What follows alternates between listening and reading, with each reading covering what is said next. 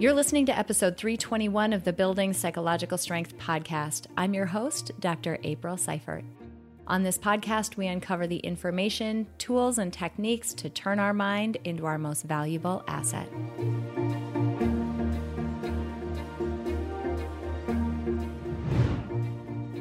Welcome back to the Building Psychological Strength podcast. On this podcast, we explore the very nature of our minds, how they work, and how they shape our life experience.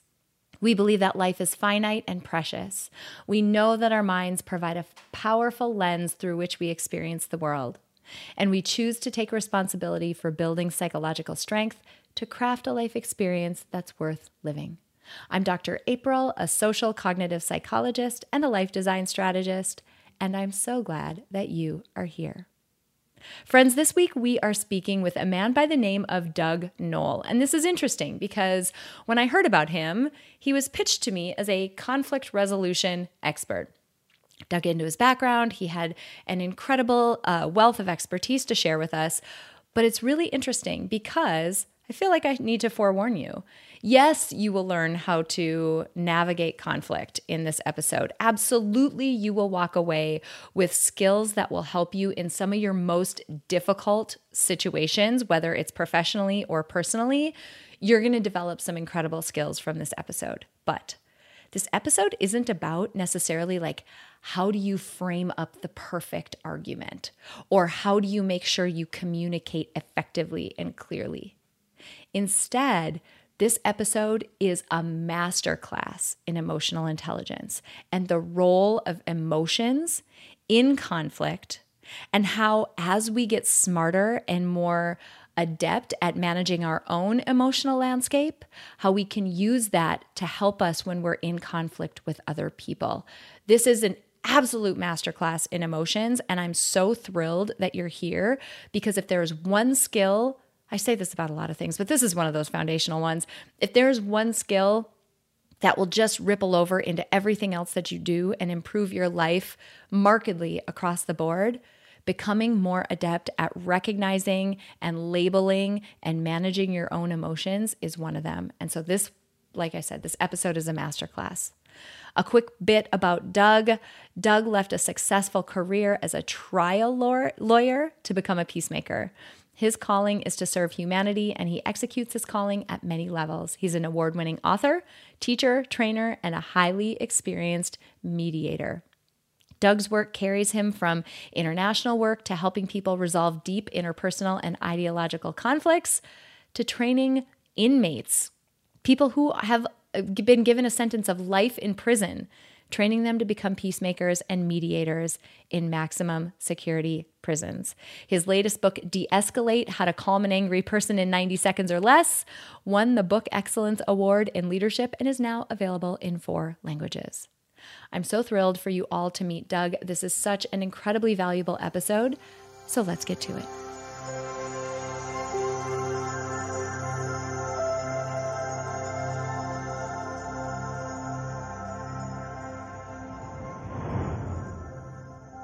Doug, I'm so excited that you are here with us on this episode of the podcast because I think we're going to get into some things that are very practically applicable for people as they are navigating maybe relationships with people in their personal lives, in their professional lives, some of the difficult things that we all have to navigate uh, day to day. So, thanks so much for joining us. You're welcome. I hope that I can illuminate some myths and give some people some new ideas about how to navigate the world that will make their lives so much simpler and easier.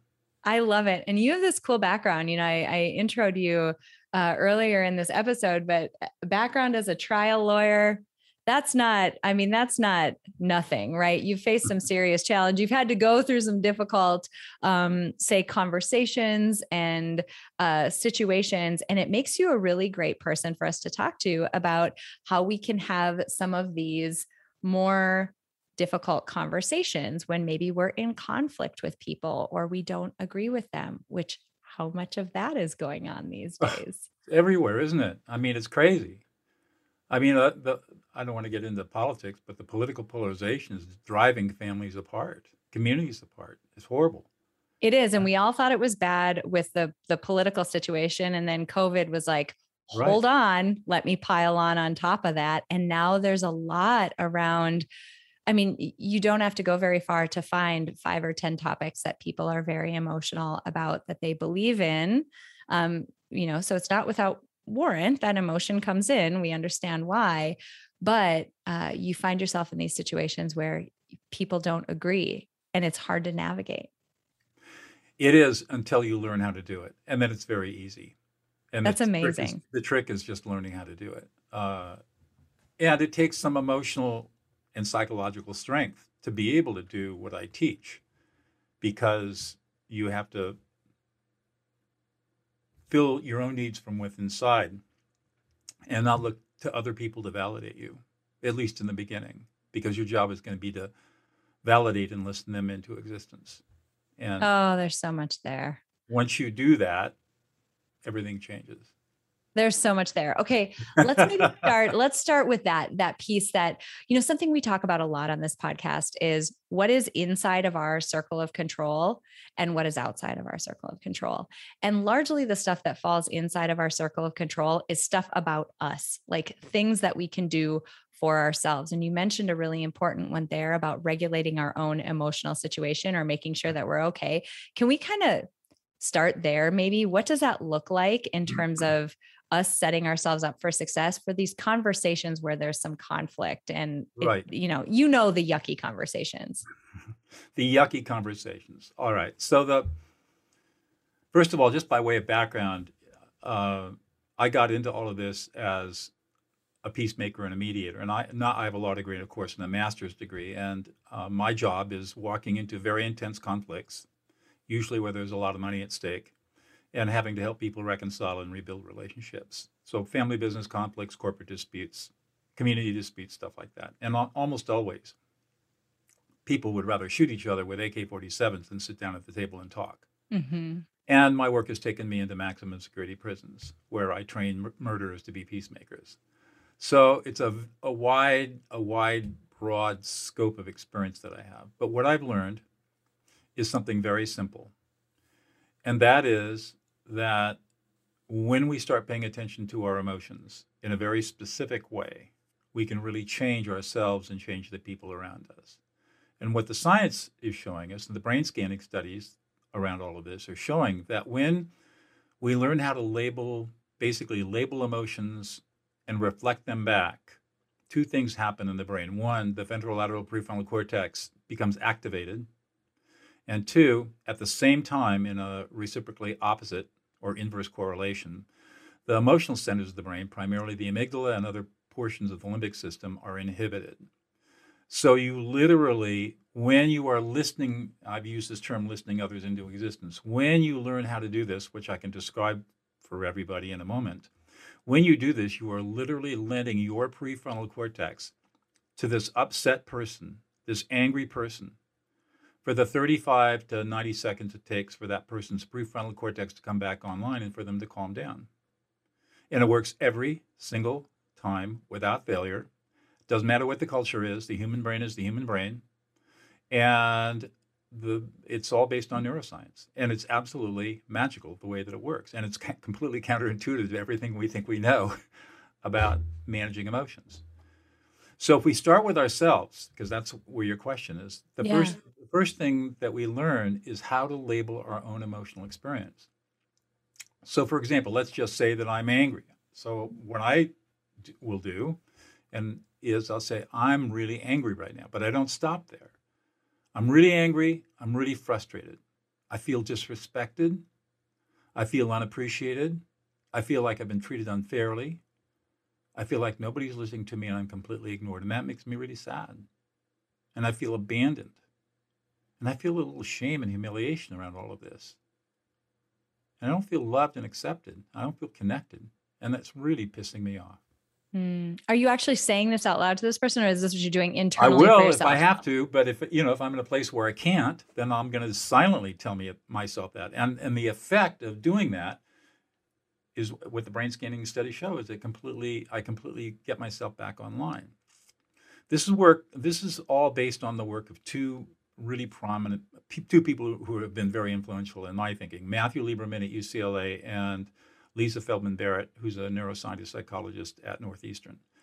Now, I, I don't know if they, I don't know to, to, if, they, know each other or they have talked about each other, but Lieberman's brain scanning studies on affect labeling, coupled with Feldman Barrett's work on the constructed theory of emotions, gives us a, pic- a picture of how all this works and why it works the way that it does.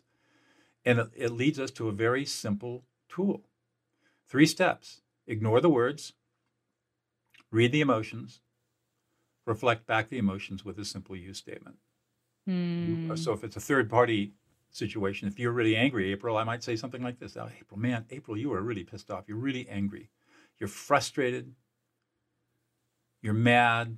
You don't feel like you're being listened to. You're being completely ignored. And you're really anxious about all of this. That's interesting though, because let's think about what what you are and are not doing. And you you alluded to it, but I think it's worth making it Sure, make it clear. like like really pushing into it and making it abundantly clear. What you're saying right there is like we're in a situation where I'm really angry. There's any number of reasons why I might have been, right?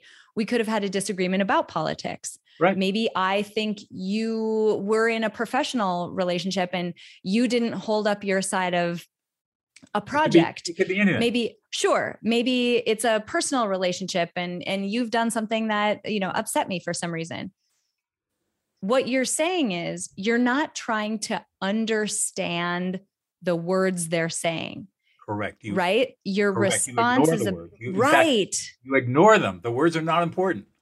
That's hard for people because not. you get Once into how that to do it. situation you're like but but and you want to pick apart and you want to like prove and you want to understand and push in to the meaning behind the argument they're making That's right. And that you ignore all of that. It's just white noise.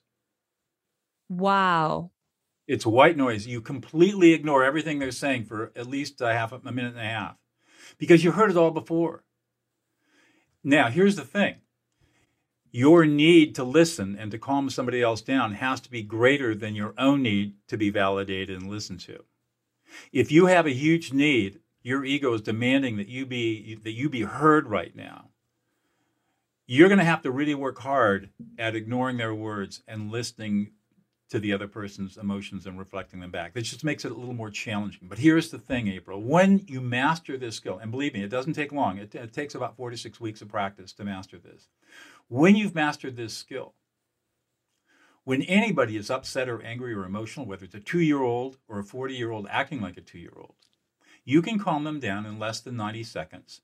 And inside yourself, you feel this enormous, calm, serene presence that is never rattled. And you can walk into any situation and know exactly what to say, how to say it, and when to say it without fail. Hmm, because you understand that people are emotional, not rational beings. yeah It's huge. Huge.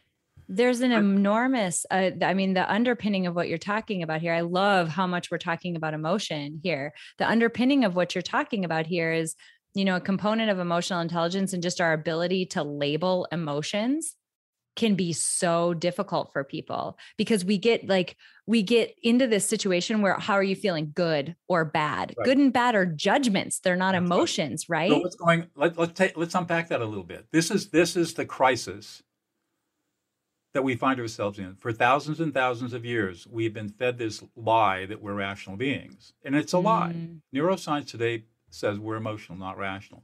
Okay, I just And- want to let that sink in for people because that felt like a big deal. Like we, We are, are not rational, emotional. we're emotional. We are 98% emotional and only 2% rational.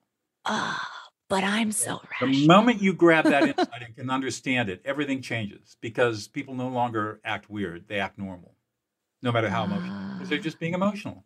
No big deal. The problem is that we have this culture in, in- in- that says that emotions are bad, they're weak, they're irrational, they're woo-woo, they're touchy-feely, you know, they're they're feminine, you know. I mean, think All about these it. horrible things, right? I know, it's I say that in jest. I know you don't. I understand Yeah, that, but, yeah. but but but think about two-year-olds. Her little two th- two or three-year-old child goes running outside, falls, skins his or her knee. What's that child told? Oh, shh, don't cry. Don't, cry. It's okay. It's okay. It doesn't hurt. be a big girl, be a big boy. big boys don't cry. Mm. That child is being denied his or her emotional experience and is being told that emotions are bad Mm. and that it's not good to be emo- emotional. And so parents, rather than being emotional coaches, are emotional abusers. Because the ACEs study, the Adverse Childhood Experiences Study out of San Diego, which is a longitudinal study that's now been going on for about 15 years, shows emotional abuse is the number one cause of addiction, criminal behavior, antisocial behavior, depression, suicide, com- um, comorbidity later in life, diabetes, chronic uh, obstructive pulmonary disease, cancer, all these things all come from the emotional abuse that everybody suffers in childhood from parents who don't know any better. They could be very loving parents, but they're still emotionally invalidating their child. So when we get into adulthood, we are we are not emotionally mature. And when you ask somebody what they're feeling, you say, "I'm okay." Mm-hmm. That is that is I'm that's good. a number one sign that they are not emotionally mature. Yeah. And everybody's that way. I was, I used to be. And and what drove me into this is I was getting paid big dollars to solve to help people calm down in major conflicts. And I had to learn a way to figure this out. And I stumbled on this by accident. And then a couple of years later, Lieberman's study came out and I said, Oh, well, there's the science. Cool. Yeah. I got to work on. Yeah. So if we just change the way that we think about human nature and stop this rationality stuff, stop expecting a two year old to be rational, stop expecting a 16 year old to be rational, stop expecting your spouse to be rational. We're all emotional.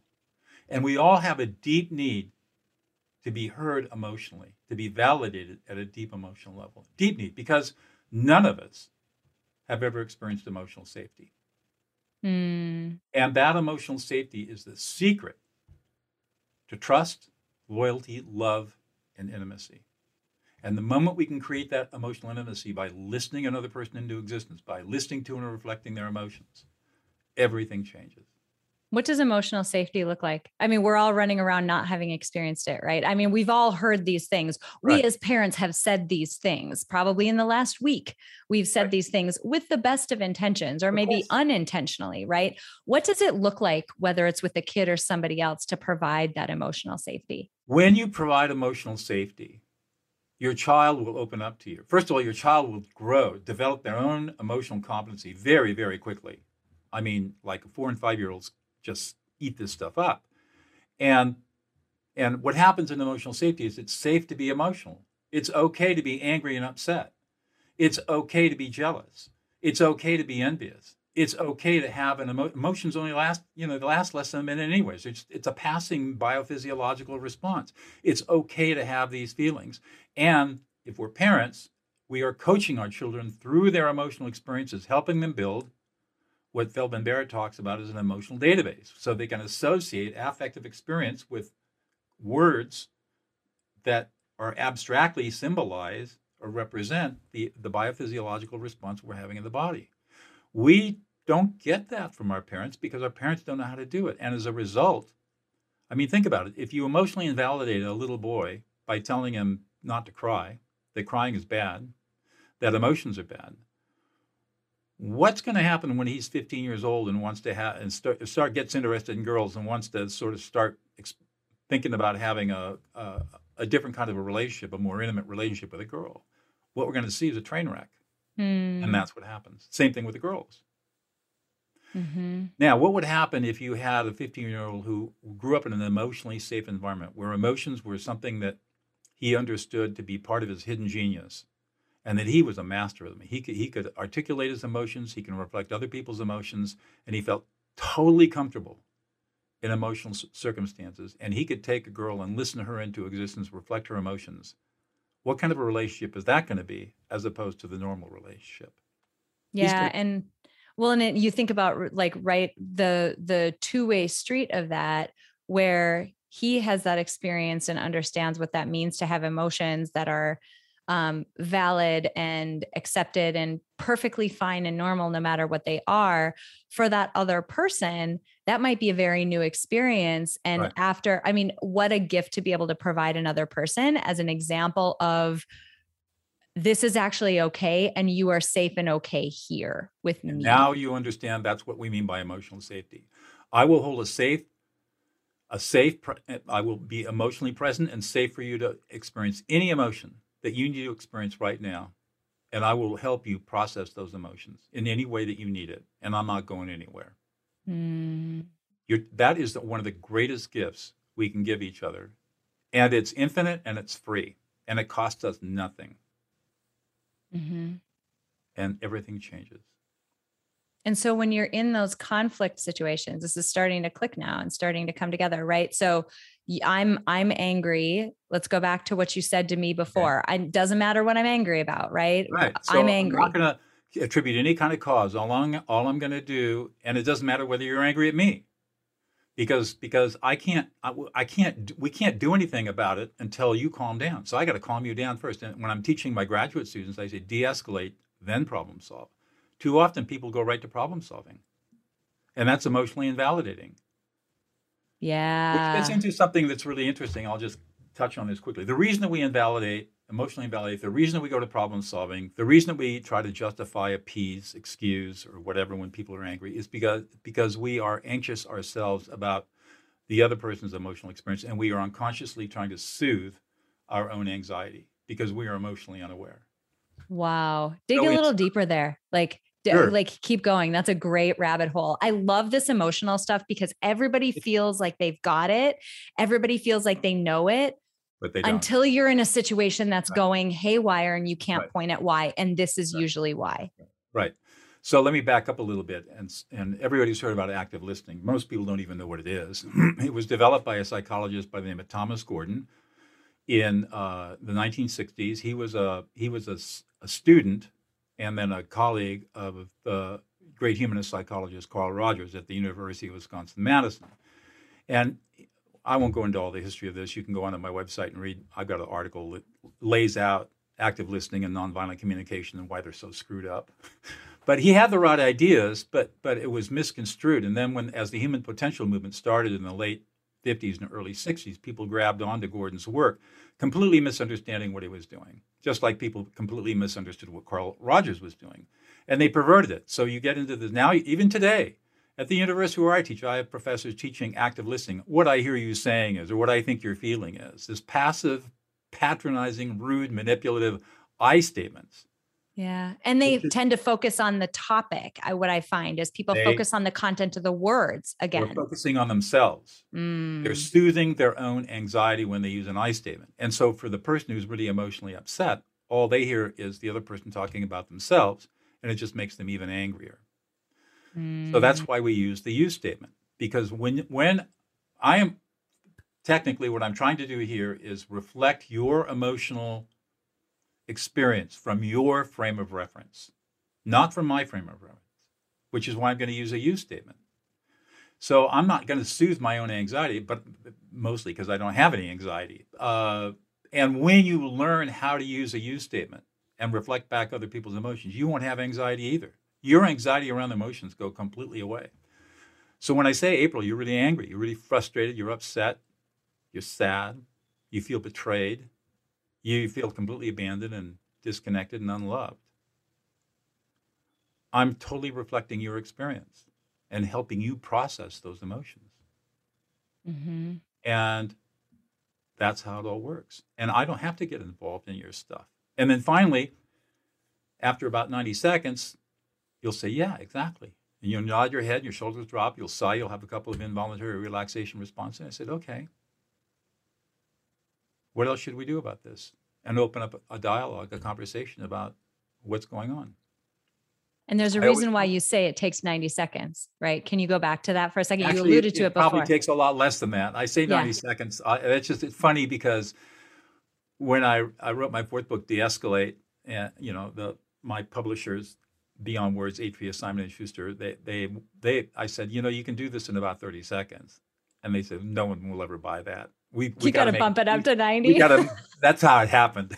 That's awesome. But what i love about this is right what you're what you're alluding to this is going to take a very short amount of time. Very people short. will not believe that. They're right. No one will believe that an emotion is that fleeting and that short. So can you kind of dive into why that's the case? Like why is it that short? You mentioned it before but it's worth unpacking a little. So emotion is a We aren't born with emotions. Here's another big one. We're not born with emotions. Humans are not born with emotions. Period. Get that out of your head.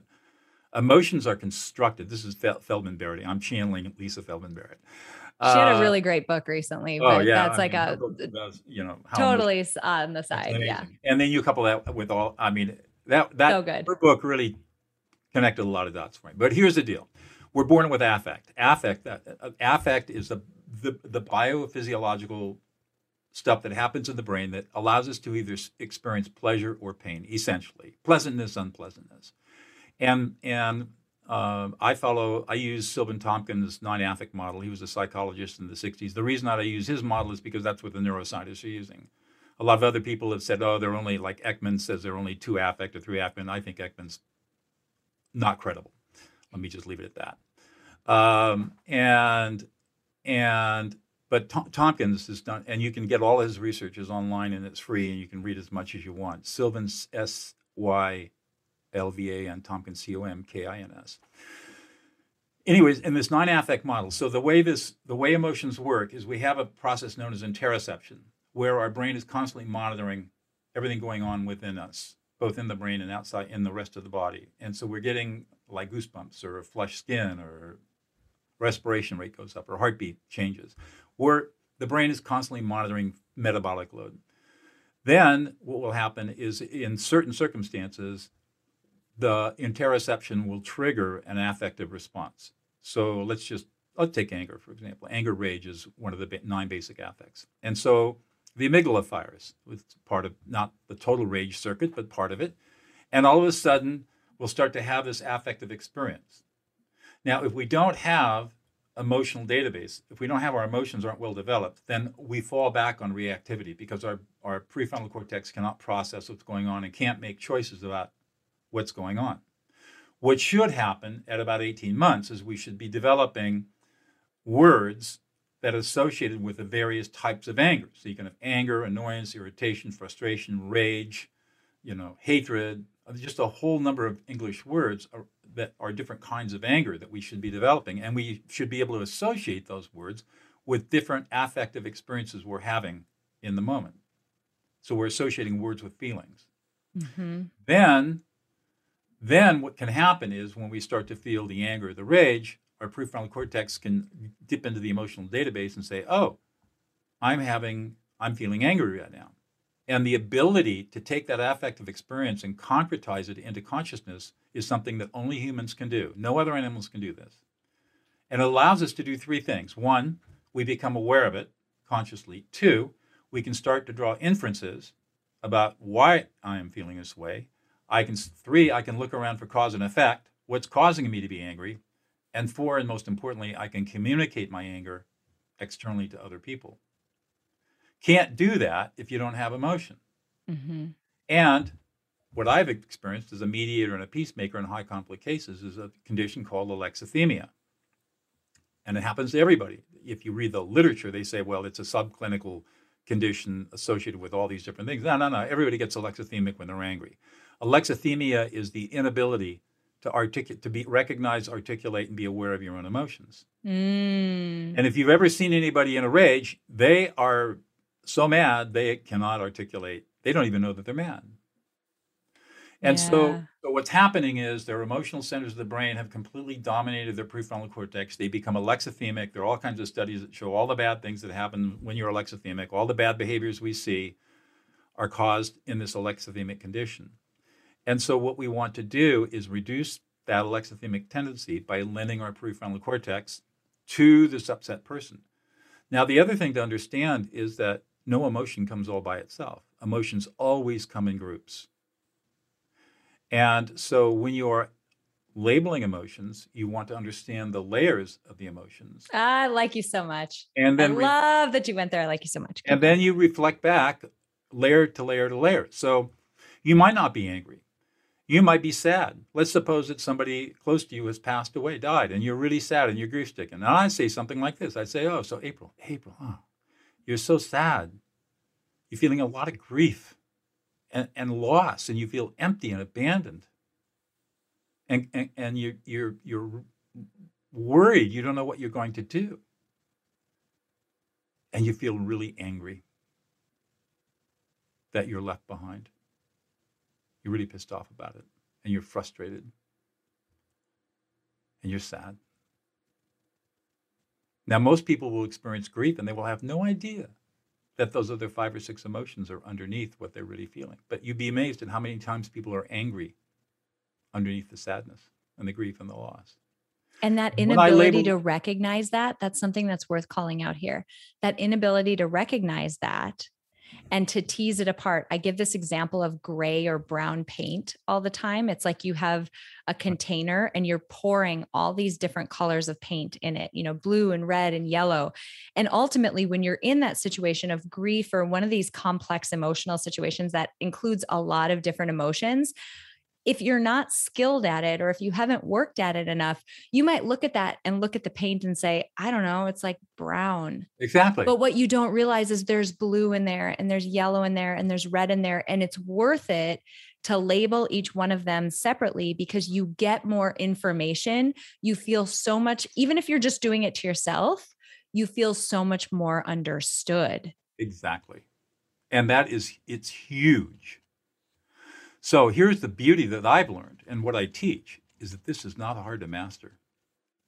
It is really easy to master this stuff. And here's the secret. So remember, remember the technique. We're going to ignore the words, read the emotions, reflect back the emotions with a simply you statement. We're going to mm-hmm. start in psychologically safe environments, very low risk, where the where if we screw up, we're not going to be embarrassed and humiliated and wish that a hole would just suck us up and we would never be seen or heard from again.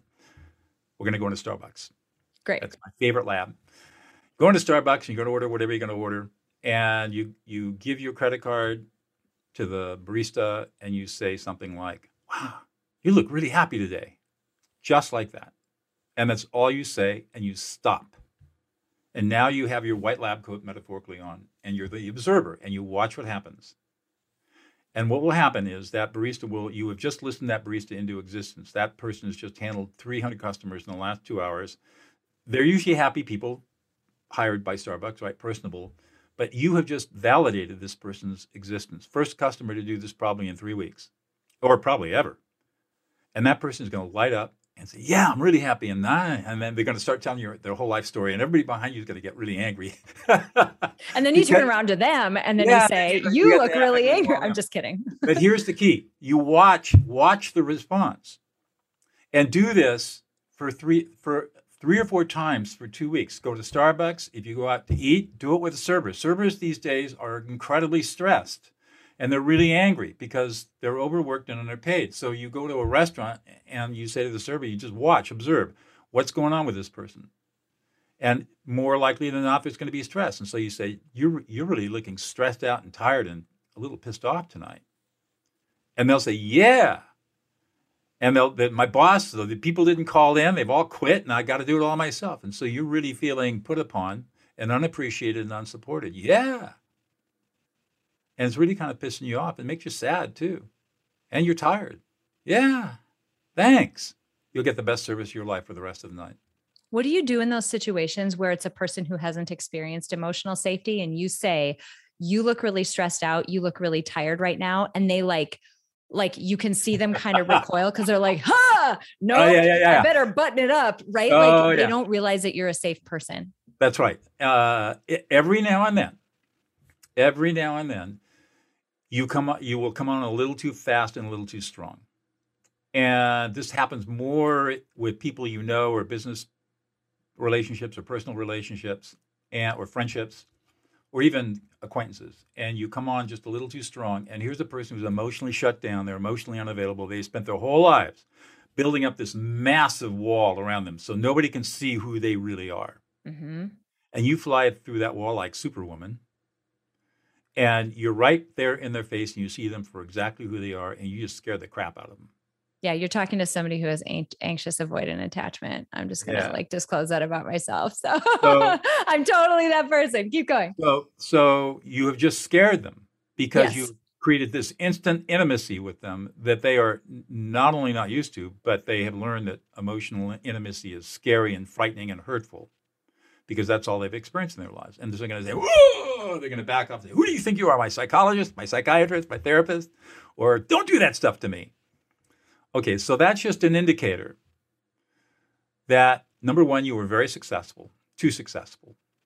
And two, you were a little too, you were a little kludgy, you weren't subtle enough. So I, this will happen to me in in conflict mediations that I'm called into, and I will be affect labeling somebody, and uh, every now and then, who the heck you? I think you are. My some guy will usually do this, and I can't be intimidated, so I just smile and say, "I'm just listening to you," and I back off.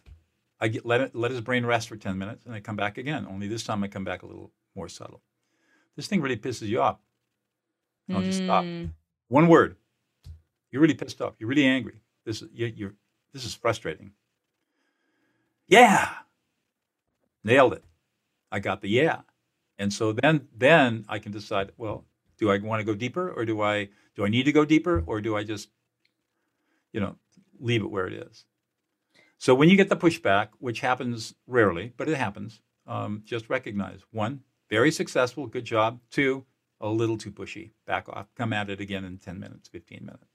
And this this is really interesting because what it's getting at and uh where people's minds might go is this sounds this sounds like you're doing a lot in order to get that other person to respond like i'm having to go to these lengths to like you know re, you know come back after 10 minutes whatever and what i what i want to point out here is something that we talked about at the very beginning around um, coming into this conversation is your intention to get to a good outcome, right? You mentioned like, are you coming in because you need to be validated or are you coming in truly to get to a good outcome? Because if your goal is to get to a good outcome, coming at it with the finesse that you're talking about and the um, the tact and just the sensitivity maybe that you're talking about is what's going to get you there. It's not you might feel compelled to have a different tactic if your true goal coming into the conversation is I need to show that I'm right, I need to be validated, my feelings were wronged, etc. So I want to make that distinction because if this feels hard, it might be time to kind of check what's the goal you're coming into this with truly like no fault, but like really what's the goal you're coming to the conversation with? Because it might feel heavy if the goal is for you to be validated. Yeah. You, you need to be in a place where where it's more important for you to serve the other person than it is for you to be served yourself. Mm. And and now there are some times when that's not possible. You can be in an intimate relationship and and your spouse blows up on you and you've got to get that person calm and you feel like you've been totally violated. But it's important for you to get calmed down. In which case you take a deep breath, you know, tip, right? Temperature, uh, breathing, uh, uh, breathe and physical exercise, whatever you have to do to calm down. And then affect label that person until they get calm. And then, believe it or not, you can coach even an unschooled, untrained person how to listen to your emotions. Mm. And what you would say is, could you do me a favor? So April, we'll do it. So April, I know you haven't ever seen this kind of stuff before, but I would really like you to help me process some stuff that I'm feeling. Would you be willing to do that for me? Sure.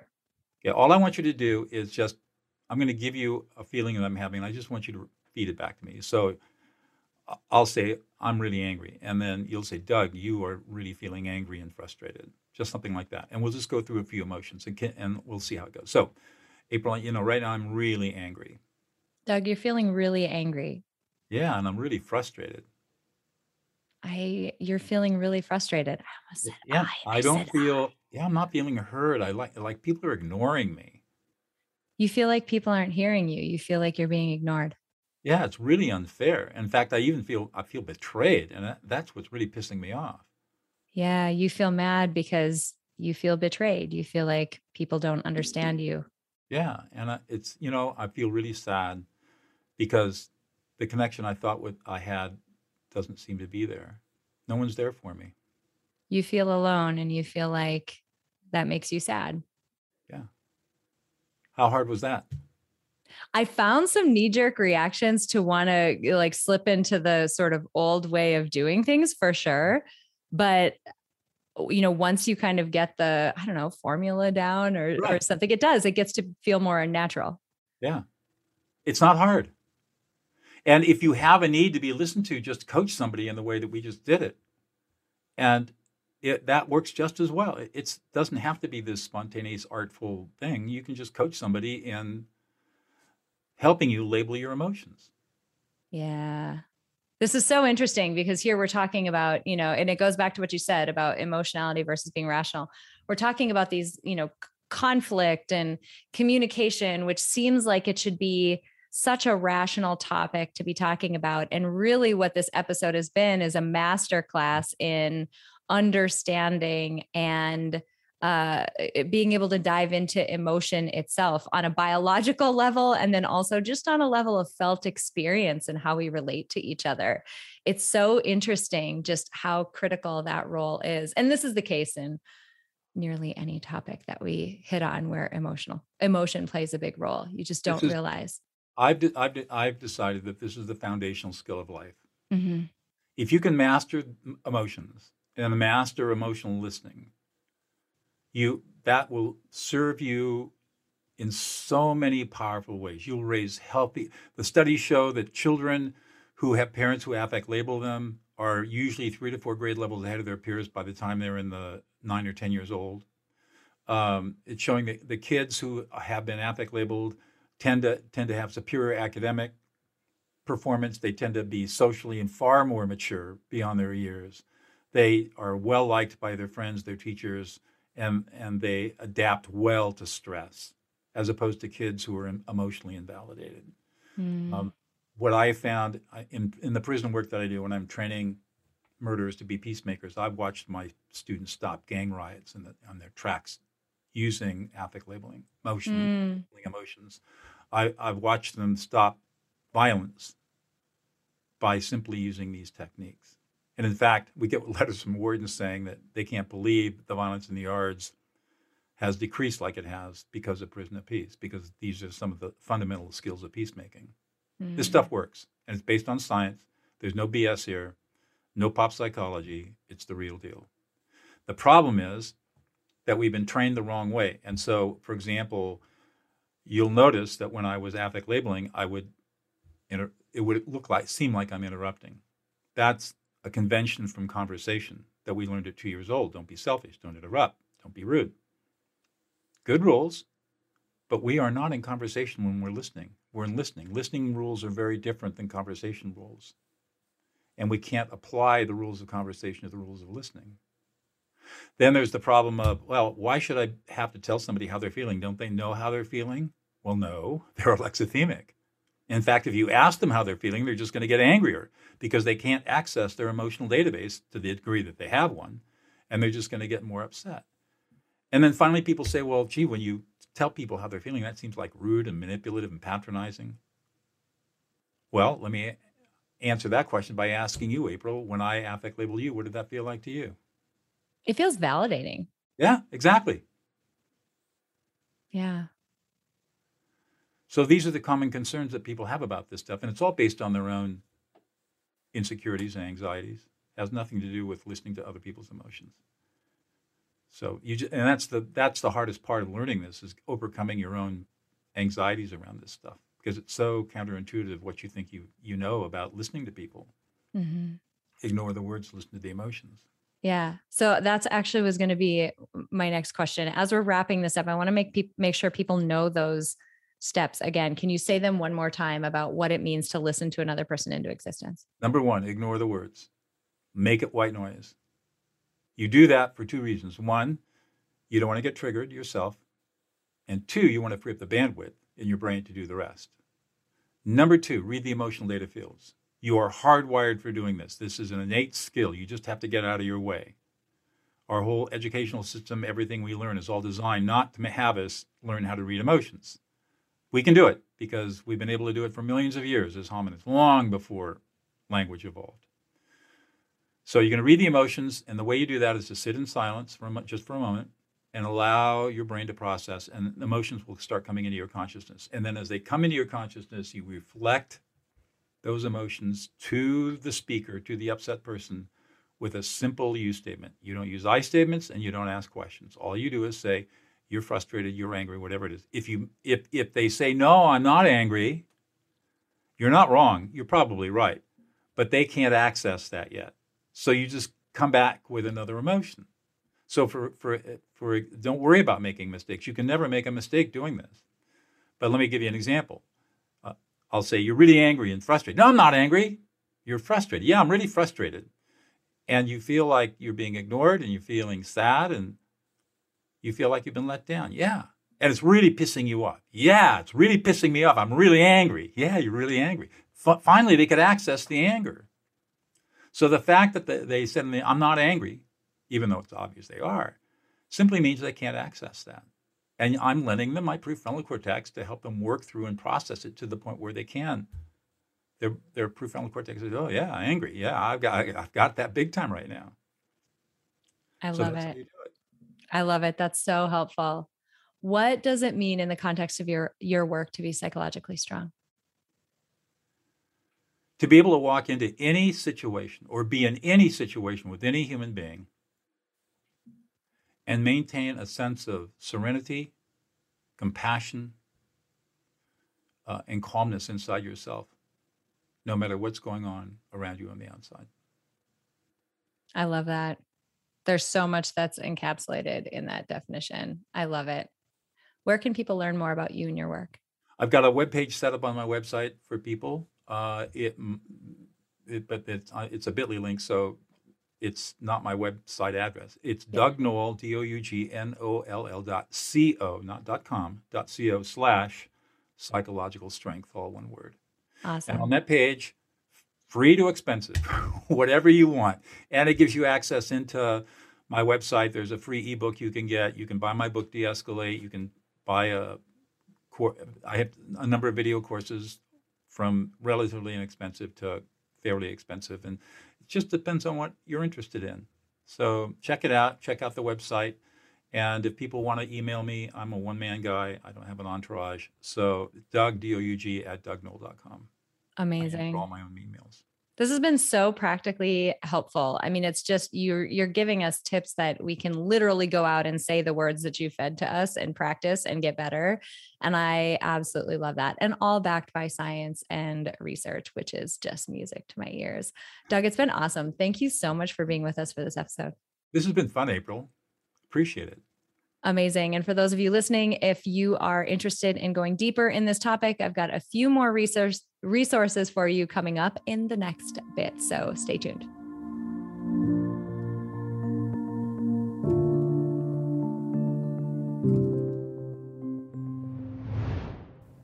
You guys, so I feel like I need to say this whole notion of emotional intelligence and everything that fits underneath it is something that I'm so passionate about. And because we spent so much time speaking with Doug about it, there's just a lot to unpack here. I'm having a really hard time narrowing down my list of resources to direct you to because there's a lot that I could dive into. So, I'm going to try to just narrow things down into the things that I think are most actionable given what Doug talked about. So, first, he highlighted the importance of being able to label our own emotions, right? If we can't recognize our own emotions, if we can't get ourselves in a good position first, it makes the techniques that he talked about much more difficult. So, there's an exercise that I always encourage people to do if they're new to labeling their own emotions and validating their own emotions, or if you're just in a situation where things are really complex and you're having a tough time sifting through them. So go over to Google, doesn't matter just search on google for the for the words wheel of emotions or emotion wheel you're going to get a circular image that has a bunch of different emotions going around it. And what this does is it gives you a starting point of, in, in some sense, the emotions that it's possible for a human being to feel. So, once you've got that wheel of emotions, then I want you to pick a situation in the recent past, something that was complex. Maybe it's even about you pick the situation about how you're feeling about COVID right now. I mean, it's complex, right? Multifaceted. Pick that situation, get it, you know, clear in your mind. Think about your position in that situation, how you're feeling. Then I want you to go to that wheel of emotions and I want you to just randomly pick four emotions. Doesn't matter, just pick four. And then I want you to ask yourself the question okay, here I am in this situation, say it's COVID. Here I am in this situation. If I did feel, insert one of the emotions that you chose, happy. If I did feel happy, what about the situation would make me feel that way? Or if you want to say it a differently, a different way, let's say a person felt happy about COVID. What about the situation might make that person feel happy? What you're doing is you're trying that emotion on for size. You're not saying that you do feel that way, you're saying that you might. Maybe it's possible. And then you're using, as Doug mentioned, your prefrontal cortex. You're thinking about it. You're not feeling your way into it. You're really just reasoning through it. What about the situation might make me feel that way? How about lonely? If if I felt lonely during COVID, what about it might make me feel that way? Or angry? Any of those emotions. Pick 4 and just try them on for size and see how they resonate. The more you do this, the more you'll get better at dissecting your own experience and understanding your own emotions. The second resource that I want to mention, you know, I gave the example while I was talking to Doug about the gray paint example or the sludgy looking paint color example. I actually wrote a blog post on exactly that on our Peak Mind blog, and I'm going to link to it below, along with all the other resources from this uh, this episode. I'm going to link to them below in the episode description and on the show notes page. That blog post goes through what I mean by when you're sifting through your emotions and you're trying to figure out, okay, this paint looks gray, it looks sludgy, meaning there's a lot of different emotions in there or a lot of colors in there. How do I begin to sift them apart to start to understand them? You'll be amazed at how much more validated, how much more clarity you have when you can really understand your full emotional landscape. So, check out that blog post if that's something you're interested in. Finally, I want to highlight a past episode of the podcast. So, this is episode 221, and it has kind of a funny title. It's titled How to L- Learn How to Win Every Argument. So, in this episode with Doug, we also talked about the importance of the mindset that you come into the conflict with. What's your goal? Are you trying to get to a point of resolution or are you trying to get yourself validated or make yourself feel like you're right? And in this episode, I talk a lot about that approach to conflict. So, when we can come into conflict with the goal of getting to an understanding or getting to a good resolution, not with the goal of proving that we're right or validating ourselves, that's how you win every argument. And there's a really, I dive into it much more in depth and get it into some cool research in that episode, but I wanted to highlight that one as well. So, again, all of those Resources as well as Doug's website are linked in this episode description and in the show notes page for this episode. So feel free to click around, get more resources if that is something that you are interested in. Once again, today we heard from Doug Noll about the importance of emotions in conflict and in communication. Doug, that was an incredible conversation. I so appreciate you being here. If you're listening, high five, friend. It was so great. If you want to learn more about Doug's work, you can visit the link in this episode description. And I want to thank each and every one of you who has left us a rating or a review on iTunes. If you haven't done that yet, I would really appreciate it if you would. And finally, as we're closing out, let's remember that time is the most non renewable resource on the planet. And I'm so grateful to each and every one of you who chose to spend some of your precious time with me today. I'm Dr. April Seifert, and I will see you next week.